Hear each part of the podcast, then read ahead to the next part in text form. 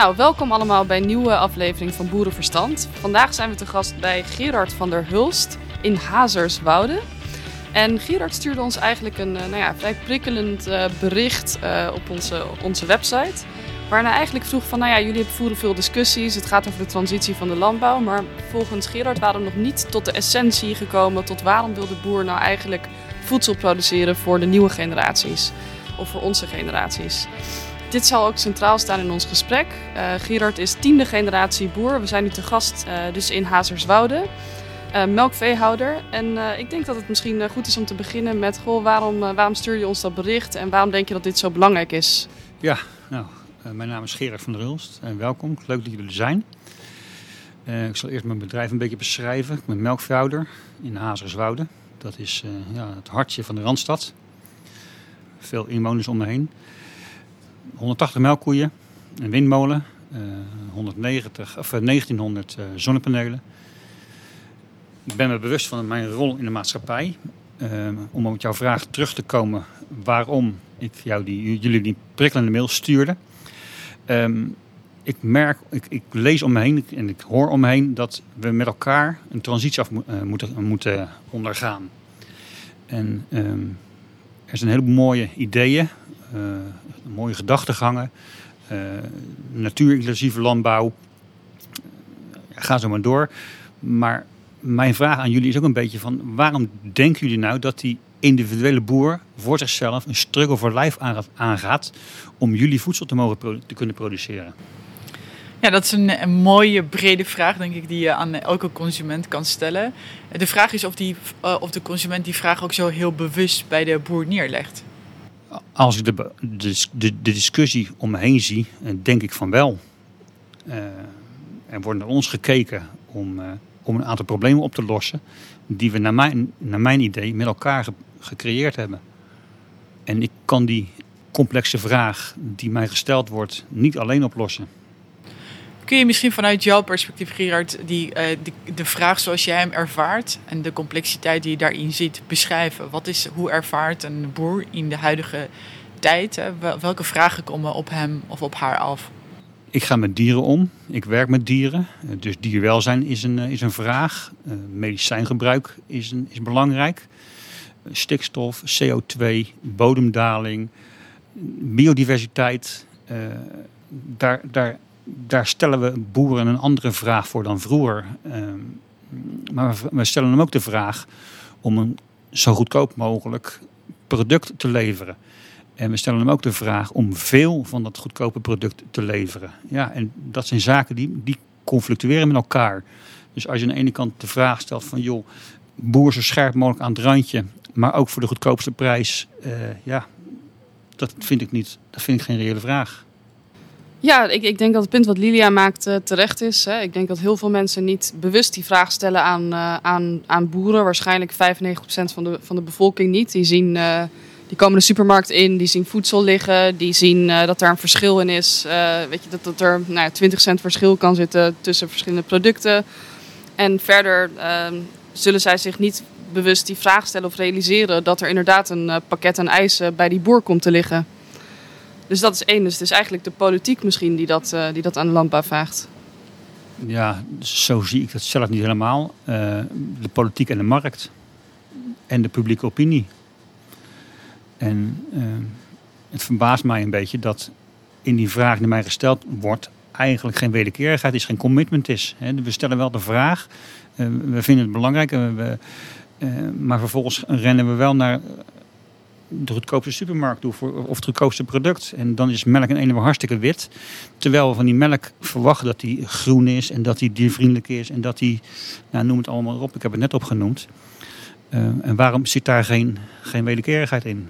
Dus eigenlijk kan zeg het niet je, op de consument rekenen? Ja, dus eigenlijk zeg je aan de ene kant um, vraagt de consument of de maatschappij van boeren om alles duurzamer te doen. Maar tegelijkertijd is er een bepaald opportunisme waarbij ze als ze naar de supermarkt rennen uiteindelijk niet willen betalen voor dat, uh, voor dat product. Is dat wat je zegt? Ja, wat ik eigenlijk zeg is dat, dat, dat ik de, het commitment mis. Dus als je A, A vraagt, moet je ook met B beantwoorden. Dat hoort bij elkaar. Ja, volgens mij zijn er heel veel onderzoeken gedaan. Hè, dat als, mensen, als je aan mensen zou vragen van wat voor producten koop je, wat vind je belangrijk in het kopen van een product, dat je een heel net antwoord krijgt. dus dat betekent dat mensen inderdaad willen dat het voedsel uh, biologisch wordt geproduceerd. Of dat er goed voor de dieren wordt gezorgd. dat het goed is voor het milieu wat, er, wat we doen. En op het moment dat ze in de, in de supermarkt staan en voor een keuze, dat de prijs toch belangrijkste drijver is in het maken van die keuzes. Dus het is, de vraag is, hè, dan, hoe kun je dat dan veranderen? Ja, maar die, die vraag ja, die kan ik niet beantwoorden. Nee, maar de, uiteindelijk heeft dus de consument blijkbaar zijn er wel voldoende partijen die dan uh, produceren voor een lagere prijs. Dus is dat, is dat, zijn het dan boeren of uh, boerenbedrijven die daar op een andere manier naar kijken dan hoe jij dat ervaart? ja, ik denk dat ook dat we dat die bedrijven dan misschien wel in de, in gelegenheid gesteld worden of, of, of om producten te kopen die niet aan onze Hollandse eisen voldoen. En dat is ook prima, vind ik goed. Maar misschien zou je dan minder, minder opportunistisch moeten zijn en ook, ook uh, mij onder die voorwaarden laten produceren. Het zegt niet dat ik het wil. Mm -hmm. Maar dat zijn buitenlandse boeren vooral bedoel je? Die dus nou niet ja, zijn... ik, ik, ik hou er niet van om andere boeren af te kappen, dus ook geen buitenlandse boeren. Maar ik, ik ik vind het een beetje jammer dat we daarin ja, geen boter bij de vis doen als consument. Ja, dus dan zou je kunnen zeggen als producent, als je, als je merkt dat er een bepaald, nou, ik noem, noem het nog steeds opportunisme is onder consumenten, waarbij ze zeggen dat ze allerlei morele waarden hebben, maar in de praktijk zich daar niet, uh, daar niet aan houden of uh, daar niet het geld voor over hebben. Dan kan je natuurlijk als boer zeggen, uh, nou dan ga ik dat daar ook niet in mee. Dan ga ik ook niet op zo'n biologische manier produceren. Want ik zie dat die marktvraag er in realiteit niet is. Tegelijkertijd heb je natuurlijk wel te maken met overheidseisen en reguleringen waar je aan moet voldoen. Maar dat moet elke boer in Nederland. Ja, maar daar loop ik ook niet voor weg. Nee. Dus dan kun je toch eigenlijk lak hebben aan wat de politiek zegt als jij ziet dat die vraag er niet is. Of dat, dat uiteindelijk consumenten niet bereid zijn om daarvoor te betalen. Dan ga je dat gewoon niet produceren. Precies. En ja. dan kom je op een impasse. En daar zitten we nu. Maar nog steeds is er een groot aanbod volgens mij hè, van biologische producten. Er zijn meer boeren, volgens mij wat wij horen in ieder geval, zowel van Friesland Campine als van melkveehouders, dat als zij de um, transitie willen maken om biologisch te gaan boeren, zeker als het gaat om de melkveehouderij, dat ze vaak ook daarop moeten wachten totdat ja. er ja. ruimte is Klopt. om die stap te kunnen maken. Ja. Ja, dat klopt. Uh, daar, schijnt een wachtlijst voor te zijn. Ik weet het niet. Ik heb me er niet in verdiept. Ik heb me een aantal jaar geleden wel afgevraagd: ga ik biologisch worden? Wil ik biologisch worden? Uh, ik heb me dat toen ja, afgevraagd. Ik heb daar ook me op laten adviseren. maar ik kwam tot de conclusie dat biologisch voor mij geen oplossing is voor mijn grootste problemen. Mijn grootste probleem, is mijn gebrek aan mar marktmacht. Dus ik kan niet doorrekenen wat mijn productiekosten prijsstijging verhogend is als ik aan bepaalde eisen moet voldoen. Ik kan als boer mijn kosten, mijn kostprijsstijging door de hogere bovenwettelijke eisen niet doorrekenen. Dus als mijn kostprijs omhoog gaat door, door of wettelijke of bovenwettelijke eisen, kan ik dat niet doorrekenen. Ik ben prijsnemer, dus ik ben ja, afhankelijk van wat een ander mij biedt. En die positie is, als ik reguliere boer ben, hetzelfde als dat ik biologische boer ben. Dus mijn marktmacht, mijn positie in de markt wordt niet beter. Dat is mijn primaire probleem. Als ik biologisch word, dan betekent dat dat ik onder andere productievoorwaarden ga produceren. Wel tegen een betere prijs. Maar die betere prijs die wordt opgeslokt door de hogere kostprijs die ik heb. Dus biologisch boeren is geen oplossing voor een rendabele bedrijfsvoering. Nee, dus volgens mij kunnen we de conclusie met elkaar trekken dat hè, je, ieder mag natuurlijk uh, ervoor kiezen om biologisch uh, uh, aanbieder te worden. Dat is niet iets waar je zelf dus heel veel toekomst in ziet op dit moment. Nee, wat ik al zei, het verbetert mijn positie niet. Nee. Ja. Dus je moet het vanuit je morele oogpunt doen. En dan ben je, ja, ja, dan boer je op een andere manier, maar het is niet economisch beter. Nee, maar, maar toch stoort dit onderwerp je wel. Klopt. En wat is dan hetgene wat jou daar, daar zo in stoort? Nou, het, het, stoort mij dat, dat mij een vraag gesteld wordt en dat er geen weder, wederkerigheid is. Want um, als ik even terugpak, hè, je, je, beschreef net, je zei ook, mijn probleem is de, uh, mijn uh, marktpositie, noemde je dat? Ja, hè? mijn marktmacht. Markt, marktmacht. Dan, ik ben benieuwd, hoe kijk je, zeg maar, als je het hebt over de marktmacht, hè, wat, welke macht zou je willen hebben als boer in de, in de keten? Ik zou mijn, uh, ik zou mijn inflatie willen kunnen corrigeren. Ik zou, uh, het is de gewoonste zaak van de wereld dat, dat als jouw, uh, in het bedrijfsleven is het normaal dat als jouw bedrijf meer kosten maakt, dat je die voor een bepaald deel, ik zeg niet 100%, maar voor een bepaald deel door zou kunnen rekenen in jouw uh, afnemer, naar jouw afnemer. En ik kan niks doorrekenen naar mijn afnemer. Dat is ook het probleem waardoor ik al jaren dezelfde melk, uh, melkprijs ontvang als mijn vader en als mijn grootvader. Het, is al generaties hetzelfde. Die melkprijs is al generaties hetzelfde. En, en ik moet mijn inflatie corrigeren door schaal te gaan vergroten. Mhm. Maar nu kan ik mijn schaal niet meer vergroten. En dat betekent dus eigenlijk dat mijn, mijn inflatie niet meer kan corrigeren. En dat gaat spaak lopen. En zeg je dan, hè, dat is dus, uh, dus je zegt eigenlijk, jij levert in op je, op je kostprijs. Dat, dat, dat komt eigenlijk netto terecht bij jou. Ja.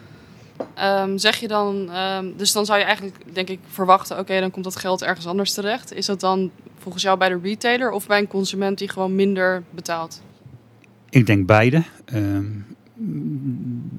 ik wil niet te veel uh, wil niet te negatief zijn over de supermarkt, maar, want, die hebben we elkaar gewoon nodig. En hetzelfde geldt voor de consument, die heb ik ook nodig. Uh, maar ik, ik merk wel dat wij uh, in een positie zitten waardoor wij. Uh, je, je, staat gewoon voor een voldongen feit dat die markt ehm, verkeerd georganiseerd is.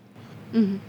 En hoe kijk je dan naar partijen als Friesland Campina, die juist in het leven zijn geroepen om de positie in de machtspositie van de melkveehouder te versterken naar de, hè, naar de marktpartijen toe? Ja, ik denk dat die wel een beetje uitgewerkt zijn. Dat dat model uitgewerkt is, coöperatief. Misschien wel met zo'n grote coöperatie dat dat uh, uh, te groot en te log is. En misschien wel wat moeilijk bestuurbaar is. Uh, moeilijk kan anticiperen. En daardoor ja, aan slagkracht kracht heeft ingeboet. En daardoor een wat, wat gedateerd uh, systeem is. En wat zou een, een um, systeem zijn of een mechanisme zijn wat meer zou passen bij de huidige tijdsgeest en de uitdagingen die je nu, waar je nu tegenaan loopt? Ik zou graag met, uh, met mijn zuivelverwerker en, en, en zijn afnemers in gesprek gaan over hoe zij mijn bedrijfsvoering zien. En daarmee bedoel ik uh, wil jij een duurzaam product, wil jij een supergroen product, dat is prima. Maar dan gaan we er samen uh, mee aan de slag. Dus Gerard, je zegt hè, dat je als je kijkt in de keten, dan uh, zou je meer willen samenwerken met je afnemer. En de afnemer van jouw afnemer dan weer om te kijken of er meer, de, welke vraag zij hebben. En of je door meer samen te werken de waarde die er gecreëerd wordt en ook wel een deel van het economische waarde meer bij jou terecht kan komen. Dus je meer betaald krijgt uiteindelijk voor je product. Ja, klopt. Klopt. Uh, met een aantal uh, mede-boeren hebben we een leveranciersvereniging opgericht. En wij zijn, of, ja, als secretaris ben ik daar gaan bellen. Ik ben dus rond gaan bellen richting uh, wat, wat verwerkende en wat, wat zuiver verkopende partijen. Dus groothandels, leveranciers, multinationals. En, en ik kwam bij een multinational terecht en die uh, was geïnteresseerd in mijn verhaal. Want die is ook geïnteresseerd, zij waren ook geïnteresseerd in hoe gaat het nou op bedrijfsniveau. Hoe, hoe, hè, wij zien dat, dat zonder jullie zuivel ons bedrijf ook stilstaat. En ik vind, het, ik vind dat een mooie grondhouding. Ik ben nu 40 jaar, ben nu 49, maar ik ben in 30 jaar tijd nog nooit in contact geweest met een partij die zich afvroeg van hoe gaat het nou op het boererf. En, en zij waren het wel. Zij stelden ook aan mij de vraag van joh, uh, wat kunnen jullie voor ons doen op het gebied van uh, duurzame landbouw? Hè? Wat kunnen jullie nou voor ons betekenen? En waarin kunnen wij voor jullie een rol spelen? Um, en daarmee, daarmee kom je met, met elkaar in gesprek en zie je dat uh, de eind gebruiker, hè, dus, de, de, dus de Marsjes, de Unilevers, de Nestle's, de Danones, geïnteresseerd zijn wat er op het boerenerf gebeurt. En dat zij ook zien dat, dat die boer ook werkelijk wel wat moet verdienen om hun eigen togo te laten draaien. Nou, en zo zijn wij, nou, het is allemaal heel erg pril, maar met elkaar in gesprek gegaan.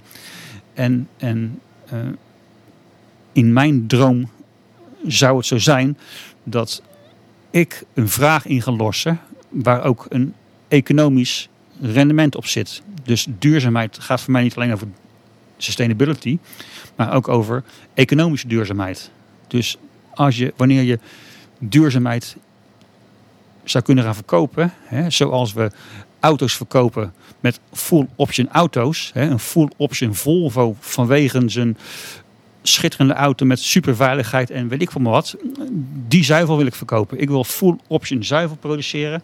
Maar die wil ik wel verkopen aan de partij die daar dan vervolgens ook, ook uh, ja, economische duurzaamheid genereert. En, en we zijn te veel gewend om in een Lada te rijden, maar een Volvo te verwachten. Dus je zegt, ik wil een product produceren, maar ik heb nog niet de afnemer. Uh, of tenminste, ik ben misschien nog niet in direct contact met de afnemers die daar op zoek naar zijn. Omdat je daar tussenpartijen hebt zitten. En dat, dat, zou je, dat, dat wil je graag. Je wil echt gewoon graag met partijen die dat uh, ook wel willen gaan samenwerken om dat te realiseren. Ja. En het blijkt dus wel dat er marktvraag voor is. Want anders zou zo'n partij die vraag ook niet aan jou stellen. Ja, die vraag is er. Of de noodzaak is er. Dat zij zien dat, dat en je ziet het nu ook het nieuwe, nieuwe regeerakkoord naar boven komen, dat we van elkaar toch wel wat uh, commitment moeten verwachten. Dat staat ook in het, in, het, in, het nieuwe regeerakkoord dat de hele keten verantwoordelijk is voor, voor die uh, transitie. -hmm. Het is interessant. In het nieuwe regeerakkoord staat ook dat groente en fruit niet meer, dat er geen BTW meer op zal zijn. Dus je kan natuurlijk ook met dat soort instrumenten veel, uh, uh, veel verschil maken. Ik zit zelf ook te denken, kijk, we zitten gewoon op een uh, lastig punt waarbij volgens mij de consument en de maatschappij het ook echt belangrijk vindt dat we lokaal produceren, dat we gezond produceren, dier, met dierenwelzijn, dat het biologisch is het liefst. Maar dat je in realiteit een kleine groep mensen hebt die dat, die dat nou ja, consequent betaalt, de, de meerprijs daarvoor je zou kunnen zeggen, een heel groot deel van Nederland heeft daar misschien geen geld voor. Maar aan de andere kant, we, we betalen relatief weinig voor ons voedsel. Dus in die zin, je kan een grotere share of wallet, noemen ze dat, uitgeven aan je, aan je voedsel. Dus het zou mogelijk moeten zijn. Maar ik denk dat mensen. Het probleem wat je ziet is dat mensen toch in de waan, door de waan van de dag. Hè, je, je, bent in de supermarkt, je ziet, oh, dit is goedkoop, dit is wat ik, uh, dit is wat ik koop. Wat ik interessant vond was dat. Ik, ja, het, ik heb in uh, Australië gewoond een paar jaar. En wat je daar zag, was dat er echt een uh, hele culturele, um, een andere cultuur was. Waarin lokale productie en het supporten van je lokale boer heel belangrijk is voor Australiërs. Dus letterlijk in de supermarkt zag je gewoon het verschil tussen, nou, dit zijn allerlei Aziatische producten. En dit zijn uh, de, de Australian-made beef en melk en dat soort dingen. En mensen waren bereid om daar meer voor te betalen, omdat ze ook dat uh, in hun gedachten uh, associeerden met kwaliteit. En daar zijn we denk ik als Nederland nog niet. Nee, nou ja goed, ik heb jullie nog niet verteld, maar uh, wij hebben ook een, een, boerderijwinkel. En daarin gaan wij ook een beetje op dat concept door. we hebben hier aardappelen liggen van de plaatselijke akkerbouwer. Uh, kaas van de plaatselijke kaasboer. Uh, zuivel van 20 kilometer verderop. thee van een familie die dat zelf importeert en zelf selecteert uit, uh, uit Wallingsveen en zo alles uh, van hier en dichtbij, zoals we onze winkel noemen. En uh, ja, dat is ook een beetje voortbedurend op dat, dat verhaal wat je zojuist schetst. Ik moet wel zeggen dat ik naar het klantenbestand kijk, dan zijn het met name nog de senioren. Met name senioren die dan op zoek zijn naar uh, karnemelk zoals dat vroeger smaakte. Of, of het oude, ouderwetse yoghurt, of, of nou, ga zo maar door. En, uh, maar ik hoop ook wel een beetje op de, jonge moeder hè, met de bakfiets die voor, uh, voor, hun, voor haar gezin uh, voor de hele week inkoopt. alleen ja, ik moet me ook wel realiseren dat, dat we niet one-stop shop zijn. Dus je kan niet hier alles krijgen. En dat is misschien wel wat de consument verlangt. Ja, en het is natuurlijk ook dat, dat we zien veel bij mensen met boeren die we spreken, dat ze met dit soort initiatieven bezig zijn. Maar je moet hier ook maar net komen om dat, uh, om dat te kunnen Dat is zeker zo. Ik, ben misschien wel de jonge moeder nog net geen bakfiets. Maar ik kom hier niet zo snel, uh, niet, niet zo snel Nee, dat klopt. Dat klopt. Maar ja. misschien is het ook wel... Uh, misschien is het ook wel iets wat, wat bij de toekomst hoort. Dat je toch op zaterdag met je papieren tas, papieren zak op zoek gaat naar je voedsel voor de komende week. Zeker weten. En misschien uh, het unieke aan jou is toch wel dat je, denk ik, ook tiende generatie uh, boer bent. En dat je ook kinderen hebt. En uh, volgens mij, wat ik van jou begreep in onze introductie, is dat je niet anders gewend bent dan dat het nou ja, vol trots de, de boerderij wordt, wordt, wordt doorgegeven. En dat het misschien nu een situatie is waar je, waarin je dat niet zo vanzelfsprekend vindt als dat dat vroeger was. Kun je daar wat meer over vertellen? Ehm, ik heb eh, vier kinderen. Mijn tweede dochter volgt agrarisch onderwijs. En mijn jongste is een zoon die, eh, die ook agrarisch uh, interesses heeft. En ja, dan ga je daar, daar, daarover nadenken. En dan, dan zie je op wat voor manier de landbouw nu in het daglicht staat. En dan moet ik mezelf eens afvragen van ja, ga ik mijn zoon of dochter aansporen om boer te worden? En dat is een, uh, een hele moeilijke vraag. Uh, ook een, moeilijk proces natuurlijk sowieso. Maar ik zie de complexiteit van de sector op, het, op de schouders van het individu terechtkomen. En ja, dat, dat, dat, dat vind ik wel moeilijk. En hoe, hoe, hoe kijken andere boeren misschien in jouw omgeving die in dezelfde positie zitten ernaar? Voorheen dacht ik dat ik de enige was die zich die vraag stelde. Maar ik zie de laatste jaren dat we met elkaar die vraag steeds vaker durven te stellen. Van ja, uh, moet, ik mijn kind, moet, moet ik mijn zoon of dochter wel boer maken?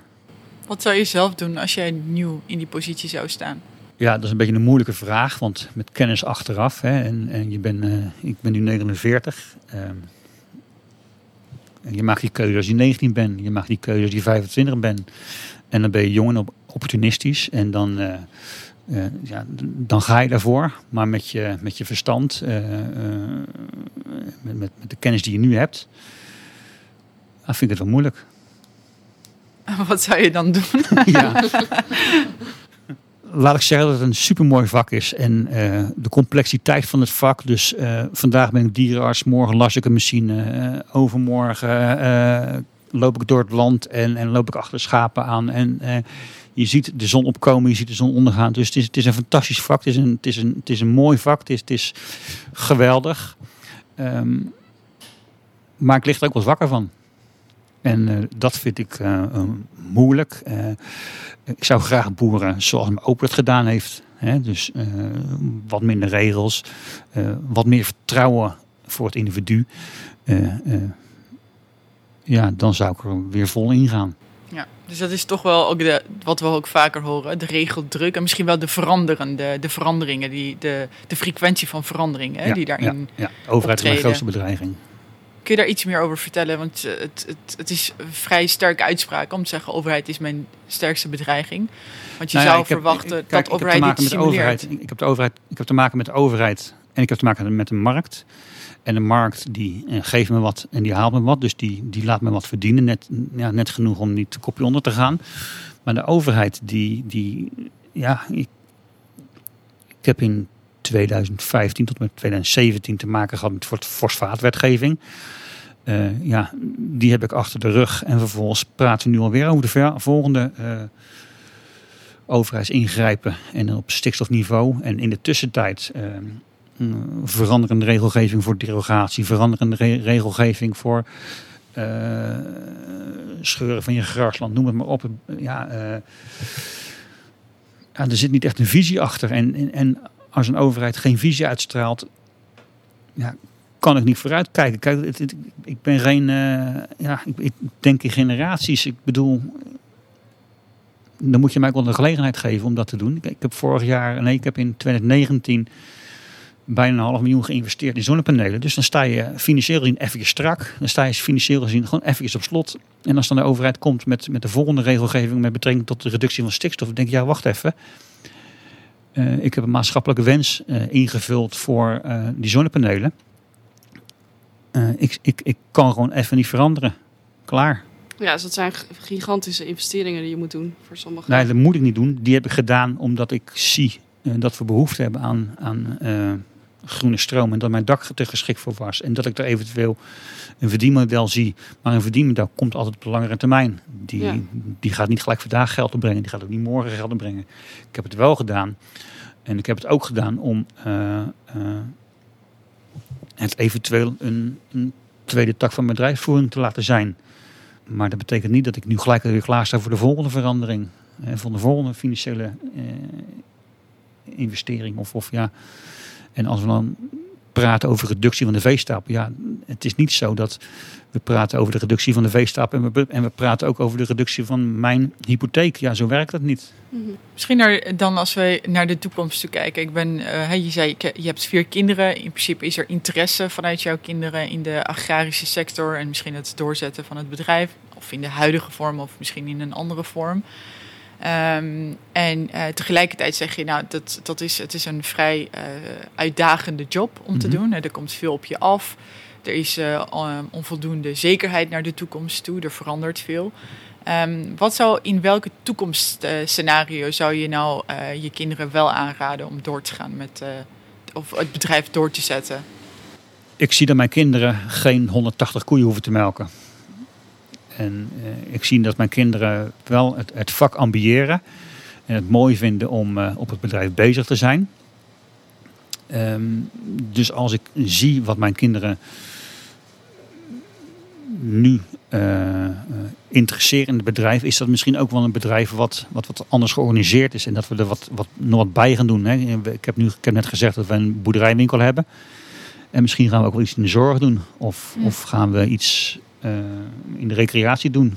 Um, ja, en als, als we dat met elkaar op kunnen pakken en dat geeft voldoende rendement, ja, dan zou dat een bedrijfsvoering kunnen zijn die, die ik wel uh, ambieer.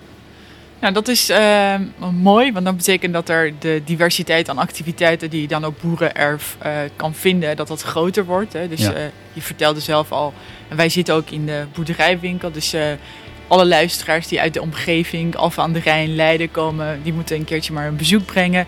En we hoorden ook van Gerard dat er veel fietsers langskomen. Dus misschien ook wel een oproep aan de fietsers. Kom een keer op, uh, hè, op de winkel. Je kan ook hier lekker een kopje koffie en thee uh, drinken.